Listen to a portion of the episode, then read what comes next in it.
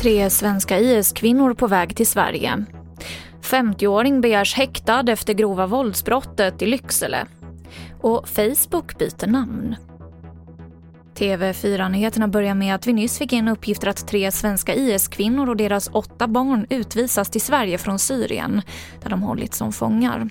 De väntas åka tillbaka till Sverige under dagen och utrikesdepartementet vill inte kommentera uppgifterna om kvinnorna. Den man i 50-årsåldern som misstänks för våldsdåden i Lycksele i förrgår begärs nu häktad på sannolika skäl misstänkt för försök till mord. De tre offren, två barn och en äldre kvinna vårdas fortfarande på sjukhus med allvarliga skador och de har inte kunnat höras. Den 50-åriga mannen har gjort vissa medgivanden. Brasiliens president Jair Bolsonaro borde åtalas för mord för hans sätt att hantera coronapandemin.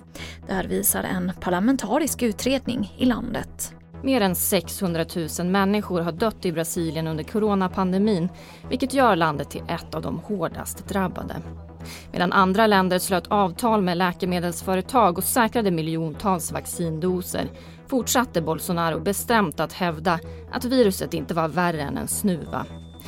I den parlamentariska utredning som avslutades igår och som granskat regeringens hantering av coronapandemin dras slutsatsen att Jair Bolsonaro bör åtalas för en lång rad brott. Däribland mord på ett stort antal människor, maktmissbruk och brott mot mänskligheten. Och reporter här var Lena Berggren. Vi avslutar med att Facebook planerar att byta namn, rapporterar The Verge. Det nya namnet ska bland annat reflektera Facebooks fokus på att bygga ett digitalt alternativ till verkligheten. Och namnbytet väntas presenteras i nästa vecka. Fler nyheter hittar du i vår app TV4 Nyheterna. I studion, Emily Olsson.